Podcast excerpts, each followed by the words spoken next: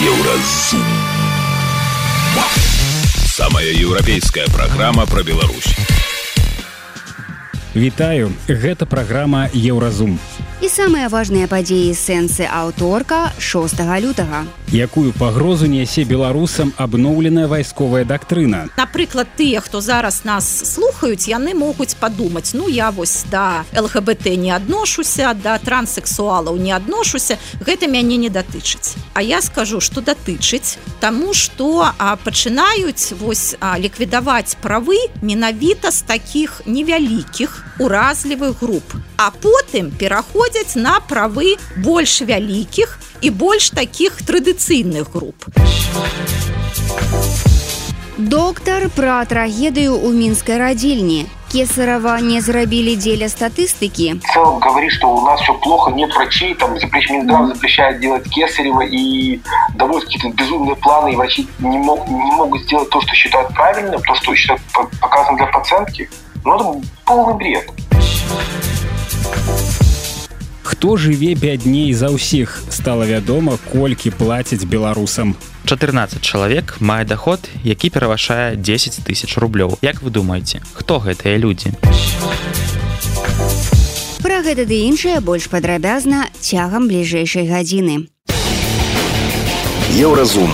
Беларусь у еўрапейскім фокусе У абноўленай вайсковай дактрыне цяпер ёсць цікавы гендерны пункцік і мы пра яго даведаліся дзякуючы кіраўніку саўбеза Александру вальфовічу. У дакуменце прапісана, што сям'я як саюз паміж мужчынам і жанчынай цяпер з'яўляецца стратэгічным нацыянальным інтарэсам Беларусі. Па словах вальфовіча у свеце ў гэтыя часы адбываецца так званая падмена паняццяў пра традыцыйныя каштоўнасці і дзяржава вырашыла усебакова абараняць і захоўваць інстытут традыцыйнай сям'і, якую складаюць менавіта мужчына і жанчына па нараджэнні. Дык што не так з канцэпцыяй нацыянальнай бяспекі лукашэнкаўскай беларусі з пункту гледжання гендернай роўнасці Пра гэта наш рэдактор зміцер лукашук запытаўся у гендернай даследчыцы ірыны сідорскай. Там як заўсёды ідзе вось гэта ахова традыцыйных каштоўнасцей. Гэта зараз тое без чаго мне здаецца не одно рашэнне дзяржаўнай улады не абыходзіцца. Там таксама гаварыцца пра тое што ў канцэпцыю нацыянальнай бяспекі трэба абавязкова ўнесці традыцыйную сям'ю і паглядзіце традыцыйную сям'ю нават не так як прапісана у канституцыі что вось гэта саюз паміж жанчынай і мужчынай. Гэта саюз паміж жанчынай і мужчынай па нараджэнню гэта значыць э, э, супраць правоў не толькі лгбт плюс людзей гэта яшчэ і пра транссексуальных людзей. Праз э, гэта супраць тых людзей які значыць хочуць скарэктаваць пол ну у якіх значыць сексуальная ідэнтыфікацыя не суадносіцца з гендернай ідэнтыфікацыі что что я что я хотела пракаментаваць у гэтым рашэнні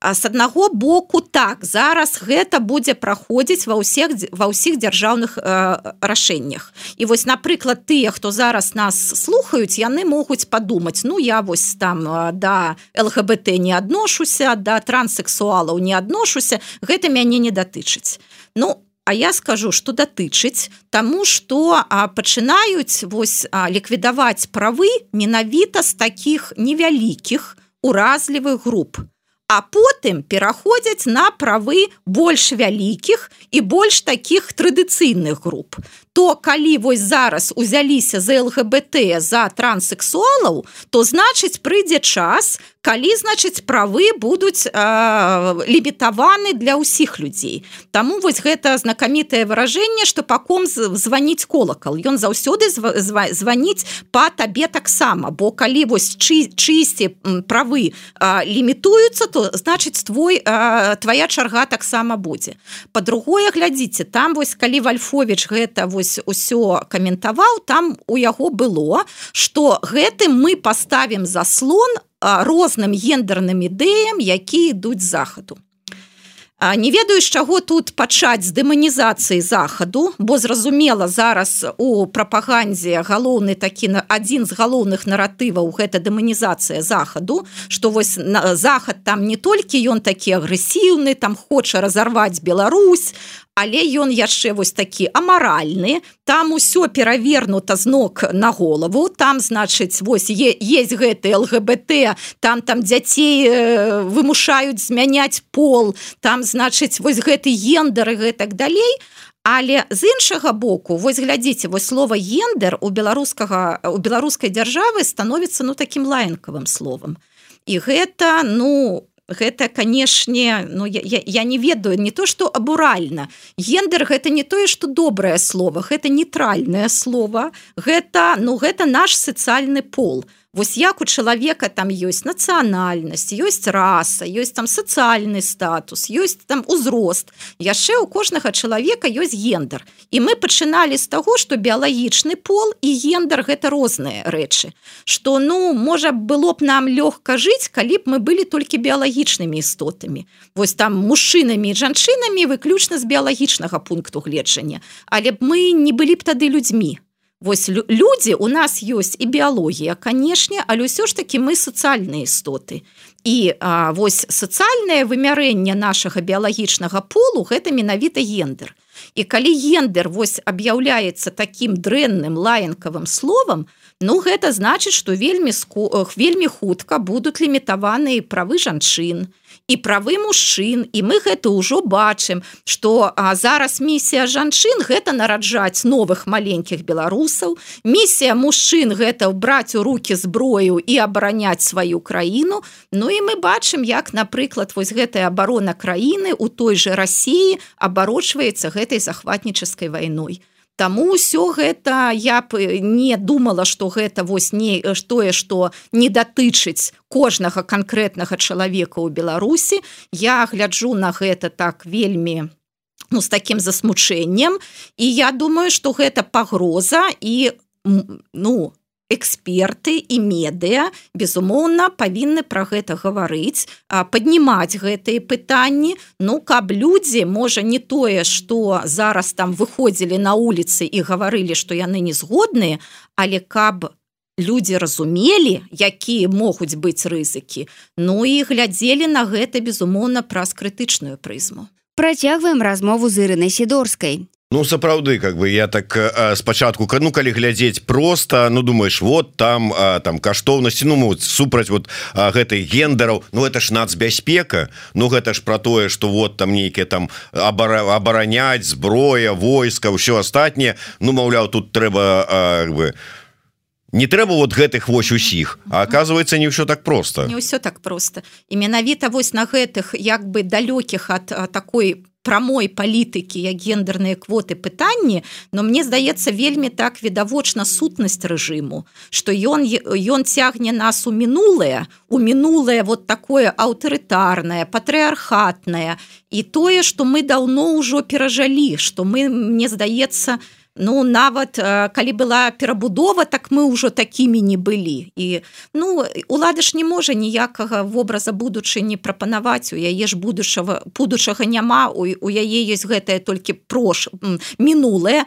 І глядзіце вось таксама я на ўсё гэта гляджу што зараз у Беларусі. І канешне гэта такое ну гэта такі не сталінізм мне здаецца. Вось гэта такая рэканструкцыя менавіта сталінскай формы формы праўлення. Бо гэта і вось гэтыя сілавыя ведомствы і вось гэтая а, такая непрымірымасць да ворагаў такі вось прамыя заклікі там людзей і караць і гэта вось гэта ўжо нейкі такой не сталінізм але глядзіце над у усім гэтым прапагандуюць ну калі браць вот напрыклад прапаганду якая працуе на стварэнне вось менавіта такой усёй сістэмы для прасоўвання для того каб рабіць с нармальных здавалася слоў нейкія абразы як типа з ген гендера ці тое ж самое слово свядомае у ігрыш это ўжо нейкае мацюкальное слово. То есть логіка про тое что ну раз свядомая гэта дрэнна дрэнна то значится вы несвядомыя то есть тупые у просто кажучы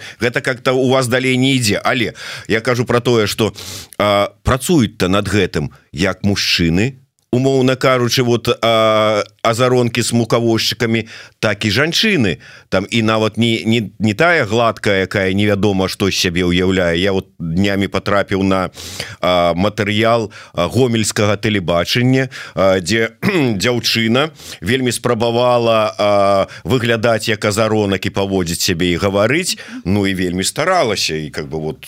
І гендар тут ні прычым Ну и пропаганда это а, третий гендер, который как бы не себя не, не важно кто там. Я думаю, что просто гэтыя людзі яны як бы навідавоку вось тыя якія працуюць там на тэлебачанні гэтак далей. Мы іх вось бачым яны ну як бы кідаюцца ў вочы. Мы не можемм іх не бачыць. І нам здаецца что таких людзей шмат. На самой справе таких людзей не шмат і таких жанчын таксама не шмат. Але лада ну яна ж так яна ёсць агульная что яна робіць і з мужчынамі з жанчынамі. І мы ж с вами гаварылі что жанчыны больш не абароненыя перад гэтай уладай что якраз у мужчын часто болей выбару. Яны могуць пайсці з гэтай сістэмы. А жанчыны асабліва калі у іх ёсць дзеці вось непаўнагадовыя калі яны іх адныя гад, э, гадуюць калі у іх ёсць старыя бацькі то вельмі часто вось чаму жанчыны выбіраюць гэтыя дзяржаўныя арганізацыі что там ёсць гаранты гэтай сацыяльнай абароненасці. І вось яшчэ раз да гендерных квот. Но на самой справе неўронных умовах жанчыны і мужчыны сацыялізуюцца. У жанчын ёсць вось гэта рэпрадуктыўная функцыя. У жанчын ёсць забота клопат аб дзецях а сваіх бацьках. І гэта ўсё ну у гэтай эм, такой канкурентнай палітычнай барацьбе гэта бар'еры якія перашкаджаюць жанчынам якія аб'ектыўна ім перашкаджаюць. І гендерныя квоты яны якраз у зніжаюць вось гэтыя аб'ектыўныя бар'еры для жанчын. Яны дапамагаюць іх жанчынам пера как бы пераадольваць. Інакш вось у нас так і адбываецца як вось зараз у нашай размове. Мы пачалі з таго што вось гендерныя квоты патрэбныя яны альбо не а скончылі тым што чаму жанчыны таксама служаць ва ўладзе Ну вось так таму што жанчыны больш ну больш прывязаны да гэтай улады менш абаронены менш маюць магчымасці для выбара у адрозненне ад мужчын. І вось якраз дэмакратычная каардэнцыйная рада яна памагла б увесці гэтыя квоты каб дапамагчы жанчынам У эфіры еўрарадыё была гендерная даследчыца Ірына сідорская. Яна распавяла пра тое, як прага рэжыма да навязвання традыцыйных каштоўнасцяў цягне Беларусь у мінулае. Далей у праграме Еўразум. Доктар пра трагедыю ў мінскай радзільні. Кесарова не зрабілі дзеля статыстыкі. В целом говорит, что у нас все плохо, нет врачей, там запрещ... Минздрав запрещает делать кесарево и доводят какие-то безумные планы, и врачи не, мог, не могут сделать то, что считают правильным, то, что считают показано для пациентки. Ну, это полный бред. Хто жыве бядней за ўсіх стала вядома колькі плацяць беларусам 14 чалавек мае доход які перавышае 10 тысяч рублёў. Як вы думаеце хто гэтыя людзі?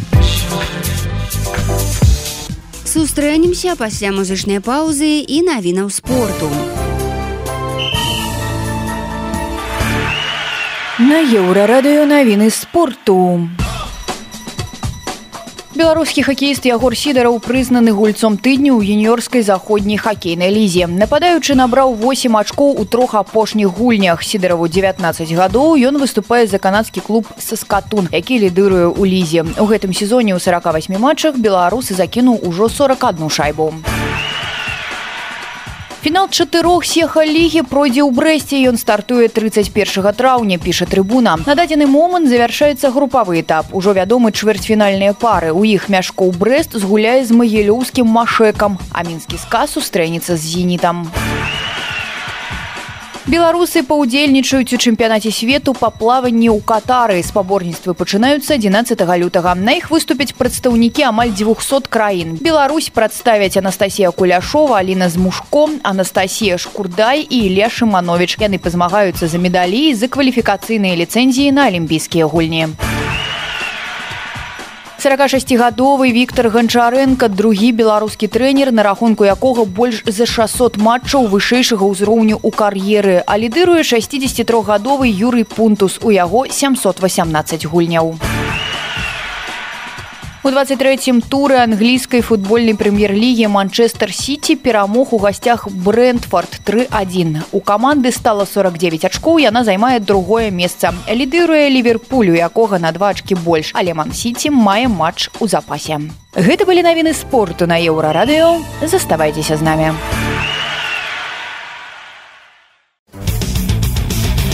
Еўразум жыві ў рытме Еўропы. Днямі у сеціве меншанка Кацярына Сухарукова падзялілася сумнай гісторыяй. Яе здаровая цяжарнасць скончылася трагедыяй. Немаўля памерла ад асфіксіі неўзабаве пасля родаў у пятай сталічнай радзільні. Паводле жанчыны роды праходзілі цяжка і без анестэзіі. Плод доўга не апускаўся, у выніку дзяўчынку давялося цягнуць вакуумам. Адразу пасля нараджэння дзіця рэанімавалі, але неўзабаве ў яго пачаўся крывачок у лёгкім. Нованароджаная памерла ад асфіксіі. Жанчына ўпэўненая, што калі б ёй зрабілі кесарва сячэння, дачка засталася б жывая. Маладая маці звярнулася да Лукашэнкі, каб разабрацца ў сітуацыі і пакараць вінаватых. На яе думку лекары мусілі зрабіць кесарава. Гэта другі падобны выпадак з пачатку года. У студзені ў салігорску у рэанімацыю трапіла немаўля, маці абвінаваціла лекараў, якія таксама не зрабілі аператыўнае ўмяшальніцтва адсутнасць нармальнага абязбольвання і тое што акушэрка націскала на жывот. Вось мабыць тое на што б я звярнуў увагу. Так адрэагаваў доктор гінеколог станіслав салавей на гісторыю мінчанкі. Усё астатняе суразмоўца еўрарадыё са шкадаваннем называе рэаліямі нашай медыцыны пра якія нарэшце пачалі гаварыць. Падрабязнасці ў нашым рэпартажы. Каментуючы сітуацыю станіслав салавей раіць не прыдумляць канспіралагічных тэорый. Спецыяліст нагадвае што роды гэта экстрэмальная сітуацыя падчас якой нешта можа пайсці не так. Дзіця можа памерці падчас цяжарнасці і ў працэсе родаў і пасля нараджэння. На жаль нават калі цяжарнасць працякае выдатна няма ніякіх гарантый што роды пройдуць добра. Доктор дадае што нават калі казаць пра тое што мінздароўе забараняе праводзіць кесарава існуе статыстыка сусвет Всесветной организации оховы здоровья. У нас есть тысяча женщин, которые рожают. Если мы никого не будем кесарить вообще при любой ситуации, вот что бы ни было, кесарева мы не делаем. Добро пожаловать в 19-18 век. У нас будет умирать, умрет энное количество детей в родах. Ну, вот, извините, это статистика. Это грубо сейчас не звучало и страшно, но это статистика. Если же мы начнем делать кесарево сечение по показаниям, то в среднем нам нужно сделать 10% кесаревых сечений, чтобы снизить детскую смерть, максимально минимизировать детскую смертность. Если мы будем делать 20% кесаревых сечений, то мы не снизим. Разницы между детской смертности не будет. Если мы будем делать 10%, 20% или 30% кесаревых сечений. Понятно, что эта статистика, тут всегда есть нюансы и прочее-прочее, но по факту так. То есть кесарево сечение, это не значит, что 100% кесаревых сечений, там сидите выжили. Нет, это так, к сожалению, не работает. Вот. Э, и э, здесь, ну, понятно, нет, нет еще нормальных исследований относительно асфиксии, то есть увеличение числа кесарев увеличит ли не асфиксии, но даже в странах, где легализовано, э, легализованы кесарево по желанию женщины, таких стран немало, все равно эти ситуации случаются. То есть проблема не в том, что врачам запретили сделать кесарево, они, они хотели делать кесарево, но тут он запретил. Нет это вот, ну, это не так не работает. Никто им не запрещает, нет никакого мифического плана. И врачи посмотрят, что ну, норму сегодня кесаревых мы сделали, так давайте вот мы не будем ее делать кесарев, что нам уже, нам уже завтра поругают. Я немножко знаю Рудковского, ну нет. Ни один нормальный врач так не делает, тем более Рудковский, он довольно с характером человек. Поэтому там была причина не в том, что родить любой ценой нам запрещено делать кесарево. Они тогда считали, что э, роды пройдут нормально, и закончатся они хорошо. К сожалению, они закончились плохо. Но это не значит, что это был злой умысел или это какая-то тенденция, которая ну, как бы так правильно выразиться, началась. Нет, это было всегда, просто это не афишировалось вообще. сейчас это стало афішироваться спецыяліст кажа што мяркуючыя са словаў жанчыны у якой памерла дзіця дактары не паставілі эпідуралку прыём крыстэлера калі акушер падчас другога этапу родаў цісне на матку праз пярэднюю брушную сценку прадзехі ў кірунку зверху ўніз пра які казала парадзіха з салігурска яна не апісвае. Усё астатняе зыходзячы з яе гісторыі доктар лічыць правільным Чаму дактары не выкарыстоўваюць эпідуралку балючае пытанне і вельмі старая тэма. З аднаго боку яе ў нас не так шмат яшчэ патрэбныя расходнікі то бок праблема са слоў станіслава слаўя можа быць эканамічнай. З іншага боку патрэбныя дасведчаныя дактары, якія будуць гэтым займацца і галоўнае не ленавацца. Ну і стаўленне да жанчыны на ўзроўні балючая дык усім балюча чаго вы хацелі гэта ненармальна. Калі боль можна бяспечна прыбраць, гэта трэба рабіць. Суразмоўцы еўрарадыё звяртае увагу у каментарах пад віды ў нстаграм якое запісала кацярына сухарукова жанчыны ўзгадваюць што сутыкаліся з рознымі непрыемнымі сітуацыямі падчас родаў. Да нас даходзяць крайнія выпадкі. Вельмі рэдка пасля нараджэння дзяцей маці пачынаюць гучна гаварыць пра праблемы з якімі сутыкнуліся бо ўжо не хочаце думаць пра кепскае. Нарадзілася дзіця да дзякуй Богу. У выніку маем карцінку у беларусі ўсё добра роды за заканчиваются нараджением цудоўных деток. Позитивный момент, если можно сказать позитив в таком ужасе, такой катастрофе, это то, что про это начали говорить и говорить активно.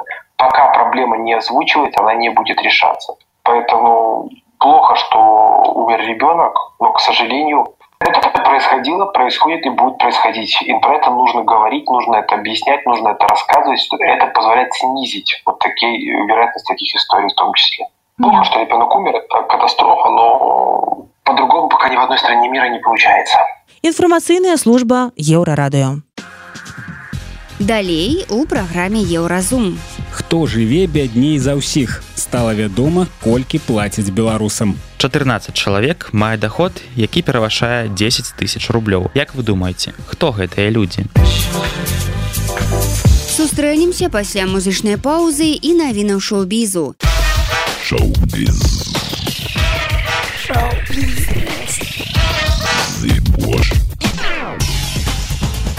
Вітаю, гэта навіны шоу-бізу. Зорка фільма Барбі Марго Робі прызналася, што перажывала сур'ёзны псіхалагічны крызіс перад здымкамі і нават адчувала сіндром самазванкі. Я думала, о Божа, я не ведаю, як гэта зрабіць. Праз некалькі тыдняў у мяне здарыўся жудасны зрыў і ўвесь час перажывала. Што я раблю, я не ведаю, як сябе паводзіць. Усе раптам зразумеюць, што я нічога не магу і гэта будзе жахліва. Словам была сапраўдная паніка. Пажалілася Марго Робі. Па словах актрысы вялікую дапамогу ў пераадоленні гэтага крызісу ёй аказала рэжысёрка барбі грэта гервік. Яна указала ўсе правільныя напрамкі мы падрабязна абмеркавалі план дзеянняў дадала марго. Сама пастаноўшчыца пацвердзіла што ў робе быў акцёрскі крызіс і яна ўвесь час задавалася пытаннем як ёй сыграць барбі. Для акцёра гэта раўнасільна таму як глядзець на зусім пустую старонку сцэнара адзначыла гервік стваральнік фантастычнай франшызы аватар Джеймс Кэмерон растлумачыў затрымкі з вытворчасцю працягаў. Паводле яго слоў спатрэбілася некалькі гадоў пошукаў каб стварыць неабходныя інструменты якія даюць магчымасць вывесці новыя эпізоды на зусім іншы ўзровень. Спатрэбілася каля восьмі гадоў на распрацоўку тэхналогіі. Мы пачалі сумеснай здымкі другога і трэцяга фільмаў толькі ў верасні 2017 і за гэты час быў створаны зусім новы набор інструментаў для працы з вадой з персанажамі якія дазваляюць са 100соткавай дакладнасцю перадаваць эмоцыі гульню акцёраў. Так што гэта было даволі складаная тэхнічная распрацоўка і просто доўгі крапатлівы працэс. Самі здымкі цяпер праходзяць штодзённа прыкладна ў тэмпе звычайнага фільма. А затым будзе вельмі доўгі постпрадакшн дзе вы прымушаеце ўсё выглядаць ну абсалютна рэальным распавёў Джеймс кэмерона які наведаў цырымонію ўручэння прэміі сатурны вордс Журналістка і пісьменніцы Кэндес Бушнел дала інтэрв'ю для Таймс, дзе распавяла, што не атрымае ніякага ганарару ад здзелкі з Netflix па паказе серыяла секс у вялікім горадзе на стрымінгавай пляцоўцы. Усе гэтыя людзі проста працягваюць змешваць карты каб зарабіць грошы. Таму што кожны раз калі яны робяць гэта яны выглядаюць як ашуканцы. Тое як мужчыны вядуць бізнес гэта схема понцы. Подзялілася бушнал маючы на ўвазе від фінансавай піраміды. Серыял секс у вялікім горадзе першапачаткова трансляваўся на канале HBO з 98 по 2004 HBO тады заплатілі пісьменніцы 100 тысяч долараў за правы на экранізацыю яе рамана які паклаў пачатак франшызе. Цяпер жа яна каштуе сотні мільёнаў долараў навіны аб з'яўленні сексу у вялікім горадзе на netflix з'явіліся ў студзені а самі эпізоды серыяла будуць даступныя для прагляду у красавіку гэта былі навіны шоу-бізу заставайцеся на хвалях еўрарадыё.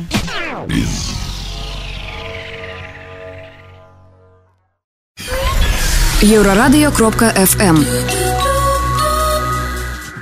Белстат выкаціў дадзеныя аб медыянным заробку за лістапад 2023 года. Медыянны заробак гэта паказчык, які дзеліць зарплаты ў краіне на дзве часткі. Палова работнікаў мае заробак меншы за яго, а палова большы. Звесткі па медыянным заробку публікуюцца двойчы на год за травень і лістапад. Дык вось у Беларусі за паўгода медыянны заробак вырас на 99 рублёў, але ці сталі грамадзяне краіны багацейшымі. Еўрарадыё паглядзела, колькі атрымліваюць беларусы розных прафесій. Напрыклад, апынулася, што кожны пяты педагог жыве на суму меншую за 700 рублёў. Па афіцыйных звестках больш за ўсіх у нашай краіне зарабляюць у горназдабыўной прамысловасці і ў сферы інфармацыі 3781 і 3171 рубель адпаведна. Самы нізкі медыяльны заробак налічылі работнікам творчай сферы 1000 рублёў, паштовай і кур'ерскай дзейнасці 1085 рублёў, а таксама адукацыі 1098 рублёў. Што адбываецца з зарплатамі ў іншых сферах, распавядаем у нашым рэпартажы.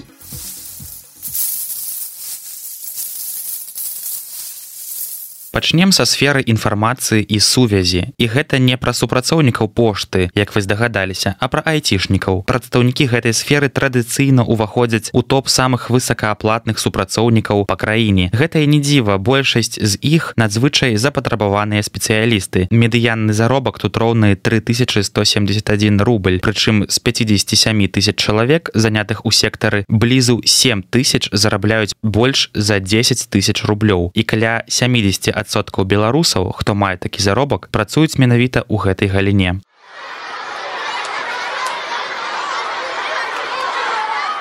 Адна з самых шматлікіх сфер, у якой працуе больш за 340 тысяч чалавек, адначасова з'яўляецца адной з самых малааплатных у Беларусі. Колькі б Лукашенко не абяцаў падняць прыбыткі настаўнікаў, іх заробак наўрад ці можна назваць належным. Мяркуйце самі. Медыянны заробак работнікаў адукацыі ў лістападзе 23 -го года склаў 1098 рублёў. Калі зірнуць на статыстыку па абласцях, атрымліваецца яшчэ горш. У віцебскай вобласці яна роўная 961 рублю выходзіць што каля 20соткаў педагога ў краіне зарабляюць менш за 700 рублёў. Толькі 13 чалавек у гэтай сферы могуць пахваліцца заробкам які перавышае 10 тысяч рублёў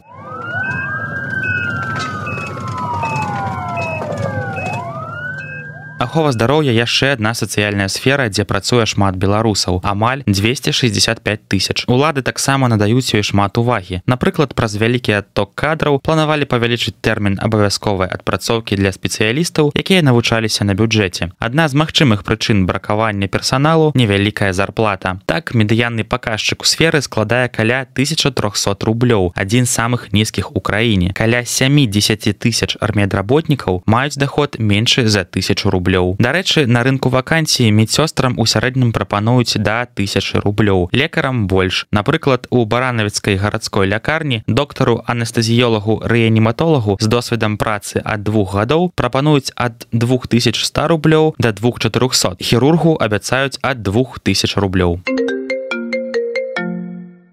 А цяпер распавядзем пра зарплаты ў сектары дзяржаўнага кіравання. Ну то бок колькі зарабляюць чыноўнікі. Сярэдняя статыстыка па краіне ў гэтай сферы схаваная. Аднак ёсць дадзены па абласцях. Напрыклад, чыноўнікі з брэскай вобласці маюць медыянны заробак 1820 рублёў. Усяго ў Беларусі налічваецца каля 61 тысячы такіх работнікаў. 14 чалавек мае доход, які перавашае 10 тысяч рублёў. Як вы думаеце, хто гэтыя людзі? Інфармацыйная служба еўрарадыё.